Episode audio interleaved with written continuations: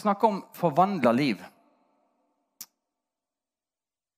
Og eh, alle elsker jo forvandling. Sånn i teorien. det er ikke alle som er veldig glad i det når det skjer. Spesielt når det gjelder meg sjøl eller deg. Men forvandring det, det er alltid bra.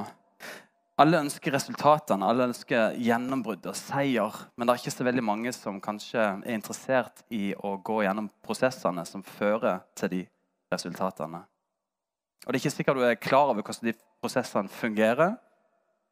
Eller det er ikke sikkert du vet helt hvordan helt at du skal komme i gang og få forvandling i ditt liv. Men vekst og framgang det er helt umulig uten at det skjer en endring. Vi ber om vekst, vi ber om forandring. Og så begynner det kanskje å skje ting i livet ditt. Og så nei, nei, nei, jeg vil ikke, jeg vil ikke være en del av dette. Som kjenner seg igjen? Noen som ønsker for det, er det noen her som har ting i livet sitt, eller kanskje rundt deg, kanskje en nabo som irriterer deg, som bare åh, jeg skulle ønske det var litt forandring ute og gikk. Noen som kjenner at forandring, det, det, har jeg lyst på. Det ting. Kanskje det er ting som du uh, sliter med. Kanskje det er bitterhet. Kanskje det er ting som du er avhengig av. Kanskje du har en irriterende nabo. Kanskje du har uh, ting du holder imot noen. Det er ting som har satt seg. Det er ting som skjer i livet ditt som åh, det hadde vært godt med forandring. Jeg har iallfall hatt det, og jeg har det fremdeles. Men som sagt så er det, det, er mye, det er mange mennesker som ønsker forandring, men det er ikke alle som er villige til å endre seg.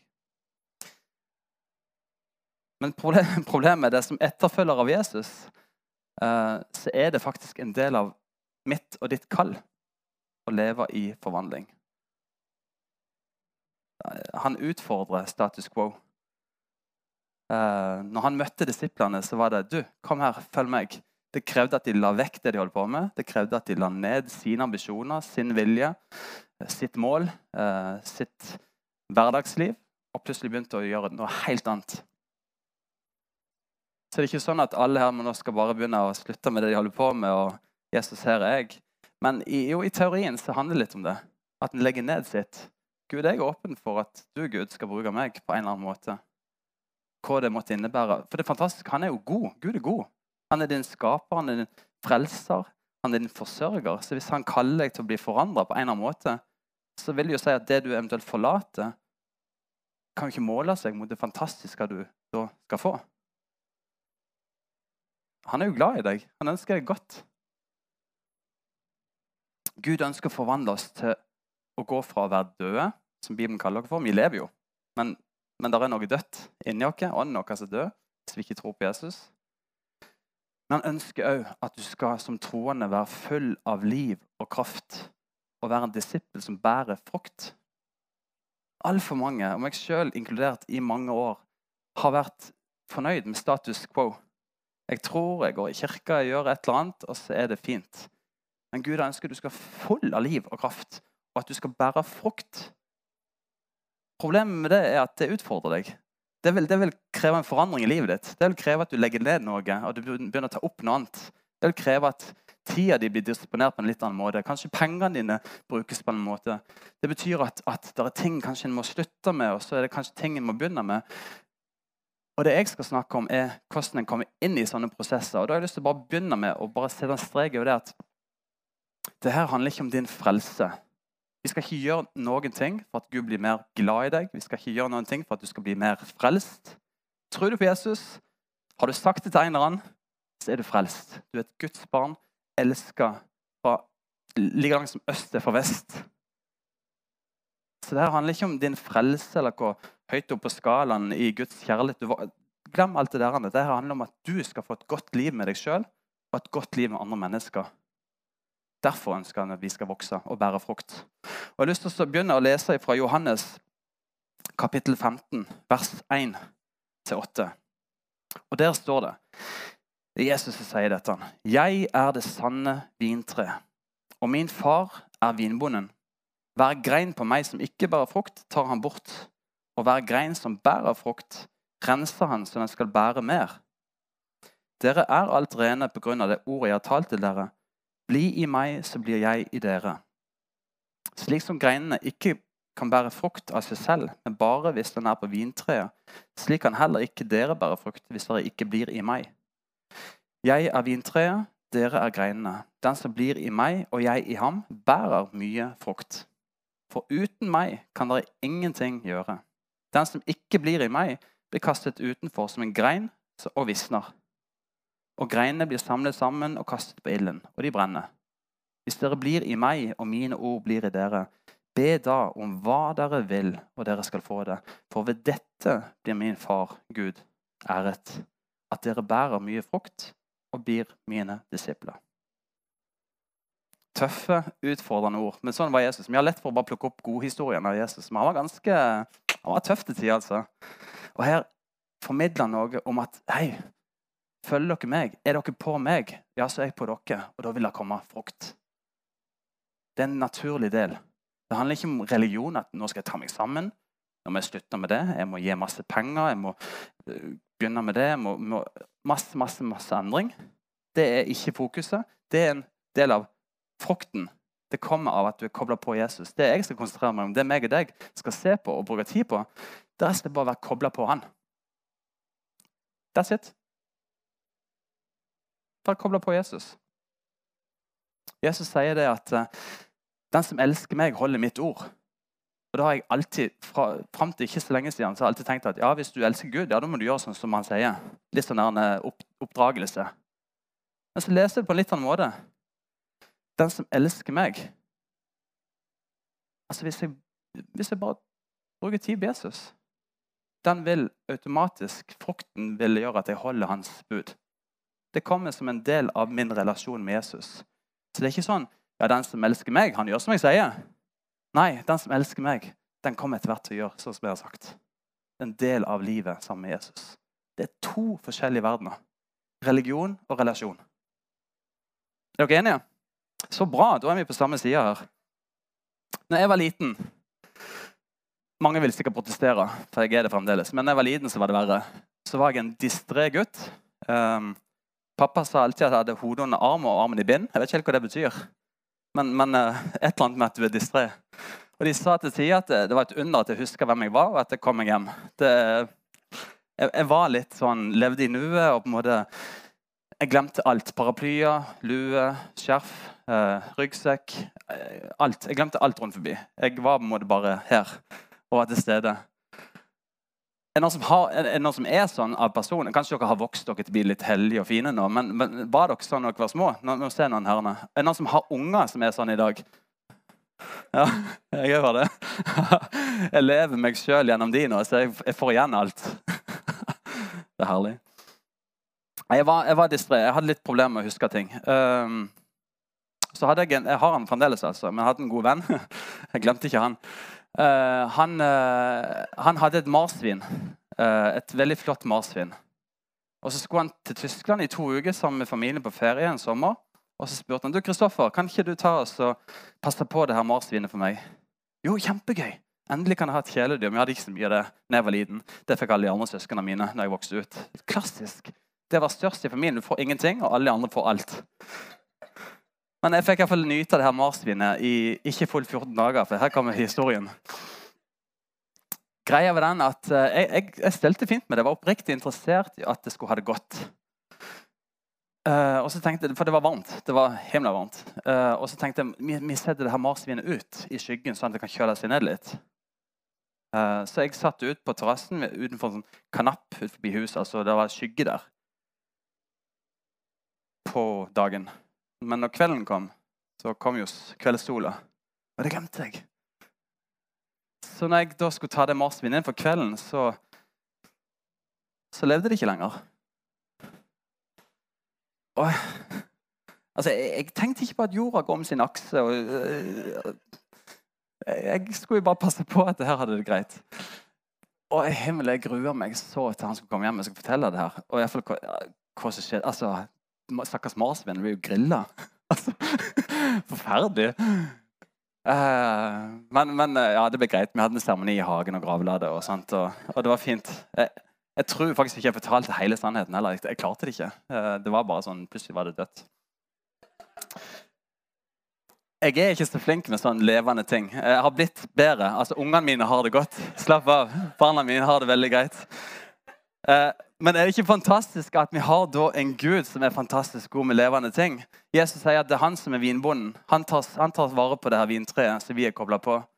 Vi har en god far som går rundt og beskjærer og klipper og passer på vannet og på en måte ser til at det vokser, at det blir godt. Og meg og deg, Vi skal bare sørge for at vi er kobla på det her greiene. Ikke tenk så veldig mye på den frukta. Den kommer av seg sjøl. Det kommer som en del av relasjonen. Det er to ting som er viktige hvis du ønsker å bære frukt. Den ene, og det her går på relasjon Den ene det er tre, de tre b-ene. Det her må du huske. Du må skrive det ned. De tre b-ene. Det er bønn, bibel og lovsang. Det er det mye enklere å huske. Bønn, bibel og lovsang. Ikke sant? Stumbe? Relasjonen med Jesus kommer av at du følger deg med hans ord. Og så kan du si ja, men jeg hører ingenting. Jeg, jeg hører ikke Gud. Jeg, hører, jeg, kjenner ikke hans stemme. Jeg har ikke peiling hvordan det fungerer. Nei, men Ikke tenk så mye på at du ikke hører han så mye. Ta heller Les hva han sier. Les Bibelen. Les en andagsbok. Les et vers om dagen. Bare lag en eller annen enkel, liten, bitte liten vane der du bare får inn et Guds ord hver dag. Så skal du se at han begynner å snakke til deg gjennom sitt ord, Bibelen. Så kommer det vers opp som dukker opp i hverdagen. Når ting er vanskelig, så kommer det et trøstende ord kan Helligånd bare jobbe med deg. Det går automatisk. Du ikke presse det fram. Det bare kommer som en del av relasjonen. Og begynn i det små. Ønsker du store resultater, så ikke tenk at du skal å, du skal lese hele Bibelen på to måneder, liksom. Eller nå, nå skal jeg opp hver morgen klokka fem. Og, ikke tenk så ekstremt. Begynn i det kjempesmå hvis du ikke allerede har en vane. Og begynn med det enkle. Ta en andagsbok, leseplan, et eller annet, og fortell det til noen. Gjør det sammen med noen. Gull verdt. Så vil du se over tid at du begynner å bære frukt. Og det skjer av seg sjøl. Det er nummer én. Bønn, bibel og lovsang. Det er nummer to vær kobla på et fellesskap. Kirka her er jo det nye eksempelet. Kom inn her. Det, er bare, det, det, er så mye godt her inne. Så hvis du ikke er en del av menigheten når du sitter og ser på nå, eller du er på besøk, eller hva du er, kobl deg på. Litt sånn forpliktende. Kobl deg på. Storfellesskapet, dette herrene, yes, det er festdagen. Men her skjer det ikke mye vekst. skal jeg si deg. Her kommer vi sammen, vi fører et gudsord, vi lovsynger Gud. Dette er mer en gudstjeneste. Og ja, det er godt, men altså hvis du spiser, en, spiser og drikker litt mat én gang i uka, så vil du slite på sikt. Det er, nødt til å være litt mer liv enn bare den ene søndagen. Og så er du vekk en søndag, kanskje, og så blir det ikke så mye. Men koble på storfellesskapet, menigheten, småfellesskapet, en mindre gruppe? Er du ikke en del av ei husgruppe? Hvis du, dere har det? Ja, selvfølgelig. Er du en del av det? Koble deg på. Og det tredje er en tjeneste. Vær med å vaske kirka, om så. Gjør et eller annet. Ønsk folk velkommen. Vær med å, og be hvis det er på en måte din virkelig nådegave. Et bønn, det, det, Da får du energi. da kjenner du bare, Eller kanskje det er andre oppgaver du kjenner bare, jeg har lyst til å være med og, og gjøre et eller annet. Gjennom tjenerskap eller tjeneste, så vil du oppleve at du, du kobler på menigheten på en helt annen måte enn at du bare er en besøker. Og til sist, det her klarer alle, vær en tjener for de andre. I, i fagforeningene og sånt sier de først plikt, så kommer um, det du har rett på, altså rettighet. Plikt først, og så rettighet. Altså, Ikke kom inn i en menighet, være en del av menighet, tenk at jeg har rett på et eller annet. Kom an, kutt ut. Du har ikke rett til noen ting. Det er, bare, Du er heldig som får lov til å være en del av fellesskap. Ok? Så plikt først. Jeg er en del av noe. Jeg skal være med å tjene. Jeg skal være med å, å være, bety en forskjell. Jeg skal være med å løfte opp andre mennesker. Jeg skal være med å be for mennesker. Jeg skal være med å gi et eller annet. Jeg skal være med å på en måte tjene mennesker. Og så kommer rettigheten. Ja, men jeg er en del av fellesskap. Da vil andre òg tjene deg. Plikt først og rettighet. Det var de to. Bruk tid sammen med Jesus, bønn, bibel, lovsang og ikke minst det å være kobla på et fellesskap, kirka. Da vil du være kobla på det her berømte vintreet som er Jesus. Og du vil være i en naturlig del av det som kalles for vekstprosesser. Og det er det som er spennende. Nå kommer det noe gøy. For nå skal jeg fortelle hvordan de her vekstprosessene fungerer.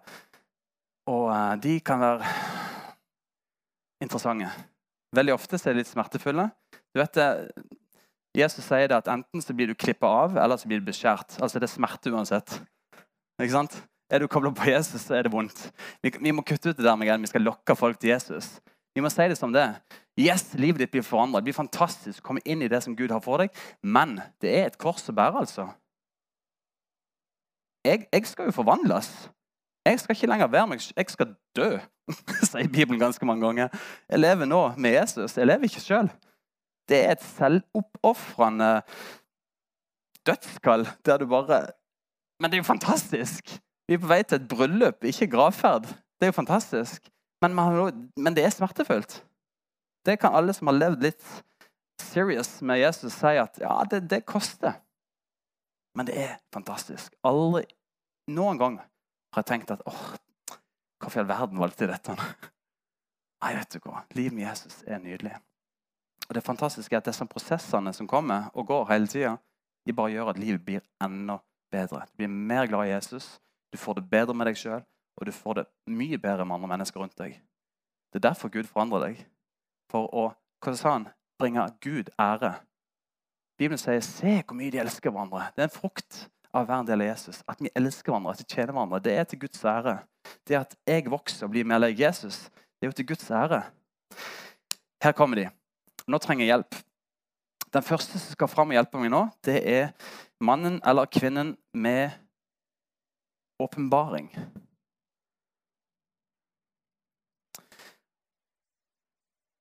Vi har lett for å være de som skal åpenbare ting for andre. Ja, du er litt uh, sinna, du. Ja, ikke sant? Eller du er, du er ikke så raus av deg. Eller vi begynner på en måte å prakke på forandringen, åpenbaringen. Har du ikke sett det ennå, at du er litt uh, Ikke sant?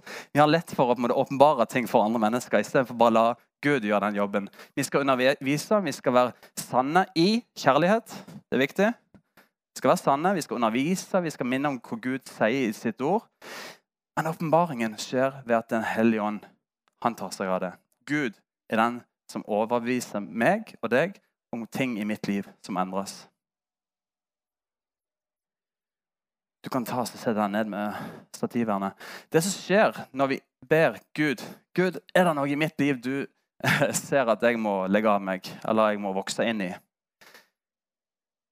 Så kommer som regel Gud og, og viser det etter, etter en tid. Det kan ta noen sekunder. Det kan ta noen timer, det kan ta noen dager eller uker.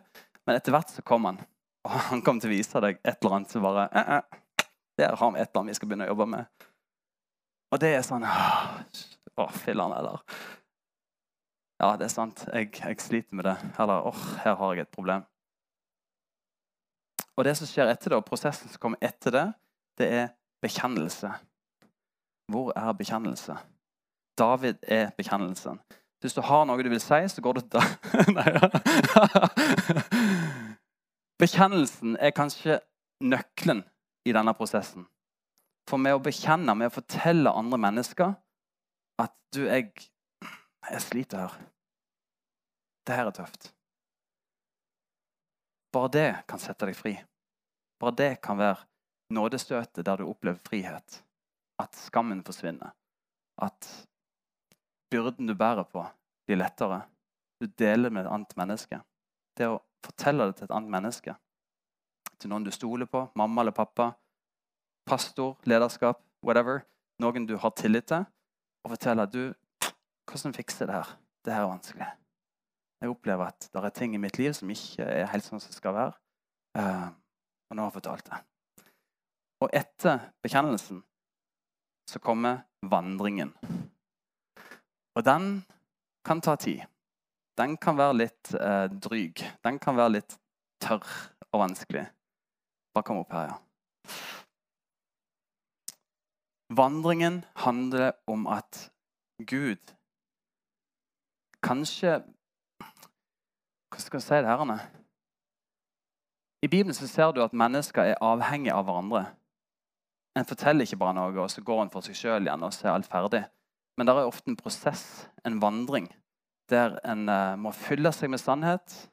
Der en må stadig gå tilbake igjen og bekjenne at ah, nå, nå bomma jeg igjen. Nå dreit jeg meg ut igjen.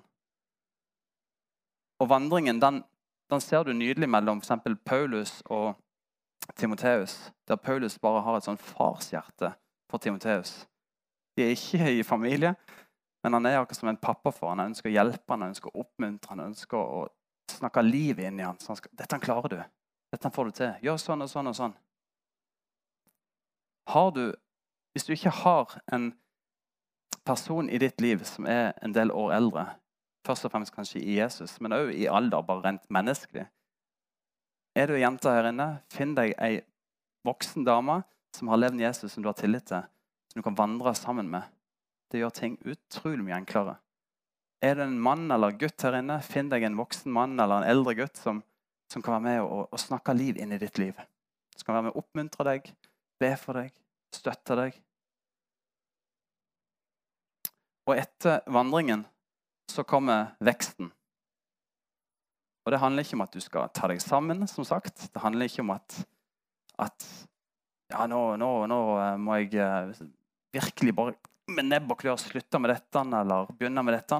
Det kommer som en del av denne relasjonen og vil oppleve å se vekst. Og I bibelverset står det, første kor 3, 26, så står det at det er Gud som gir vekst. Vi vanner, vi sår, vi får ut informasjonen, nyhetene om Jesus, råd og tips, men det er Gud som gir vekst. Så ikke slå deg ned. Ikke fordøm deg sjøl. Ikke tenk at du er en dritt, eller 'dette klarer jeg aldri', eller 'åh, oh, nå har jeg brukt ti år på dette problemet', liksom. Jeg klarer det aldri. Nei, ikke fokuser på det. Fokuser på Jesus. Den som elsker meg, sier Jesus, den vil holde mitt ord. Så ikke tenk så mye på det ordet. Tenk heller mer på den relasjonen. Du kan jo se denne. Tusen takk. Dere var flinke. Nydelig. Avslutningsvis har jeg lyst til å bare fortelle litt om en prosess jeg hadde. Jeg har hatt mange prosesser. Altså, seriøst, En pastor er ikke annerledes enn noen av dere andre. Vi er mennesker på samme, på samme linje, og vi trenger kanskje enda mer nåde. det kan være utfordrende av og til. Men jeg gikk gjennom en ganske, og går fremdeles gjennom en ganske tøff prosess. Eh, for et par år siden så hadde vi litt bønn og faste i kirka hjemme i Flekkefjord. Og da eh, Jeg vet ikke helt hva jeg forventa. Jeg tenker jeg er med på dette. Det er bra. Og sant? Jeg eh, kutta ut å spise lunsj og kveldsmat og kutta ut sosiale medier og litt underholdning og sånt. Og så leste jeg litt i Bibelen, hadde en liten bibelleseplan, og, og, så hadde vi litt bønn og lovsang hver kveld i, i, kirka. Og jeg hadde ikke særlig forventninger. Jeg hadde, tenkte ja, vi gjør det her som et fellesskap. Jeg er med. Og så var det en morgen eh, hjemme. Det var stress. Jeg skulle på jobb. Stine skulle på jobb. Ungene skulle i barnehagen. Og de er sjelden samarbeidsvillige. Eh, og vi er for seint ute, som vi egentlig alltid er. Og det er ikke ungene sin skyld. Det, men eh, sånn er det bare. Og så var det han mellomste gutten min um, som da ikke hadde kledd på seg og styrte meg i buksa. Og han var ikke mer enn jeg vet ikke, to-tre år gammel. Og så kjenner jeg at det koker. Jeg er så sint, for jeg er stressa. Og så blir irritert på ham, for han står bare og tøyser. Han, han, er jo bare en unge, han har det jo kjekt. Han skal kle seg, og pappa begynner å bli irritert. Dette er kjempegøy. Og så tar jeg han i armen og drar han ned på bakken og roper til han, og kler du på deg. Og så sier han 'Au, pappa, det gjør vondt'. Og så begynner han å grine. Og så blir jeg bare enda mer sint. Slutt å grine. Ti stille med deg. Kle på deg. Og jeg vet at de fleste foreldre her kjenner seg igjen. Men jeg kjenner jo da Shit, sånn forferdelig pappa jeg er. Det er jo bare meg som er sånn. Kjører han i barnehagen, leverer han, og så ser jeg han i, gjennom vinduet til barnehagen så ser jeg at han kommer opp til barnehagetanta. Hun løfter han opp og gir en klem. Og så kommer Guds ånd i bilen og bare eh, Ja, knuser meg. Og jeg kjenner bare Jeg har et problem med temperamentet mitt. Og det har jeg aldri sett før. Aldri innsett det. Aldri oppdaga det. Men nå ser jeg det Og folk rundt meg har sikkert, kanskje Stine spesielt, og inn i familien sett at ja, han roer deg ned litt av og til. Men jeg har aldri tenkt på det. Aldri sett det. Men der i bilen så kommer Gud og bare line opp et koldbord av problemer som jeg har i forbindelse med stolthet, temperament, sinne, fordomsfulle tanker. Og bare Her har vi problemer, Kristoffer, men meg og deg skal ta og jobbe med dette sammen. Og Jeg kjenner bare å sitte gaule i bilen og bare kjenne Jeg kjenner meg så uh, elendig. Men allikevel så kommer Gud og bare trøster meg og sier det går bra. Vi fikser dette. Gud kom og åpenbarte noe for meg. Det hadde ikke nytta hvis mamma kom og 'Kristoffer, du har problemer med temperamentet ditt.' Eller Stine Det hadde ikke funka. Kunne sagt det til meg, men den der sløret bare forsvinner. Du bare ser det. Det er Den hellige ånd som gjør. Så kan du begynne å tenke at 'Nei, det har jeg ikke'. Du velger bare 'Nei, jeg har ikke det'. For det, det kan vi velge. Du har fri vilje. Så det her er Guds initiativ. Men det her er mitt initiativ. Hva gjør jeg med det jeg har sett? Hva gjør jeg med det jeg har blitt fortalt nå? Dette er òg mitt initiativ. Hva velger jeg å gjøre med dette? bekjenner jeg det? Begynner jeg å gå en prosess? Eller velger jeg bare å gi opp? Velger jeg bare å legge lokk på det? Det er det enkleste. Men hvis jeg tar initiativ her, og jeg tar initiativ her, jeg bekjenner, jeg vandrer, så vil Gud ta initiativ herrene. Han vil skape vekst. Du kan, ikke, du kan ikke, gjøre noe med det. Du, du, kan ikke endre Ditt ansvar er her. Fortell det og begynn å gå. Gjør noe med det. Men det er Gud som åpenbarer det, og det er Gud som gir det vekst.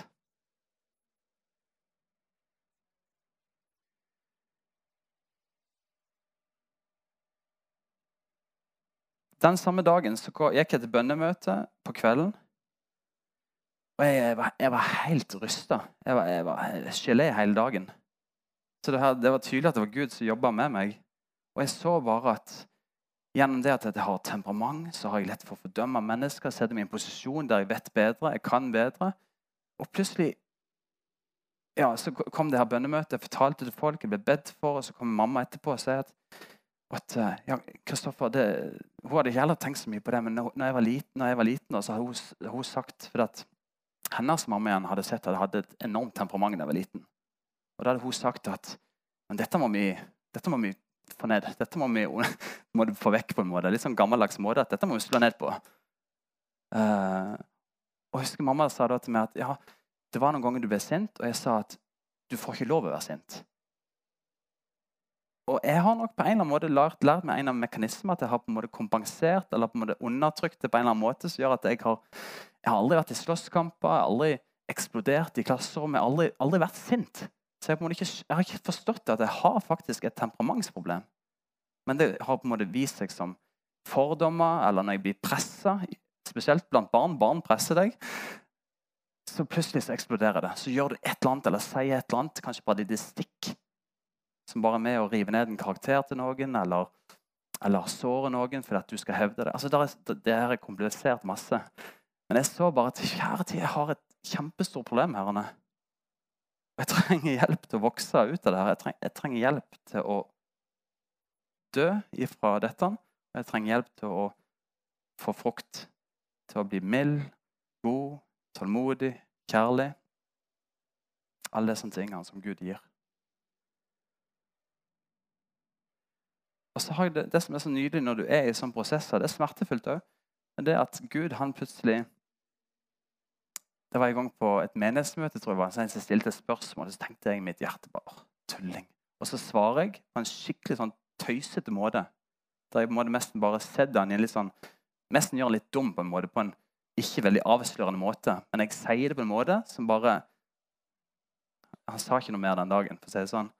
Og så kjenner jeg bare i det jeg sier det, at dette kunne du sagt på en helt annen måte.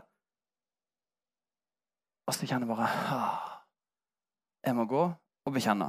Jeg må be om tilgivelse. Så etter møtet var ferdig, så ringte jeg han, og så sa jeg du, jeg, på det spørsmålet der så, så, svarte jeg sånn og sånn, og det, det var helt ut av Det skulle jeg ikke gjort. Jeg beklager. Kan du tilgi meg? Ja, nei, det hadde jeg ikke tenkt så mye på. Og jeg bare Nei, nei OK. Men jeg kjente iallfall det var nødvendig å be om tilgivelse. Ok, Så er det ikke alltid ting vi sier eller gjør som kanskje påvirker andre mennesker, men idet du er i prosesser og du kjenner Helligånden komme og sier 'gå og gjør det', 'fortell det', 'bekjenn det', 'be om tilgivelse', derene, så handler det ikke først og fremst om andre mennesker, men det handler om deg sjøl. For jeg skal ydmykes. Jeg skal lære meg at nå skal jeg begynne å være litt mer lydhør. Jeg må be om tilgivelse. Jeg skal være den første til å be om tilgivelse. Jeg skal telle til ti når jeg blir sint hjemme. Jeg skal begynne å jeg begynner å vokse. Så det er ikke alltid kanskje helt nødvendig å be om tilgivelse til alle mennesker hele tida. Men når du kjenner Helligånden komme og bare her må du gå en vei og be om tilgivelse, så er det mer nødvendig for min del eller kanskje den det gjaldt.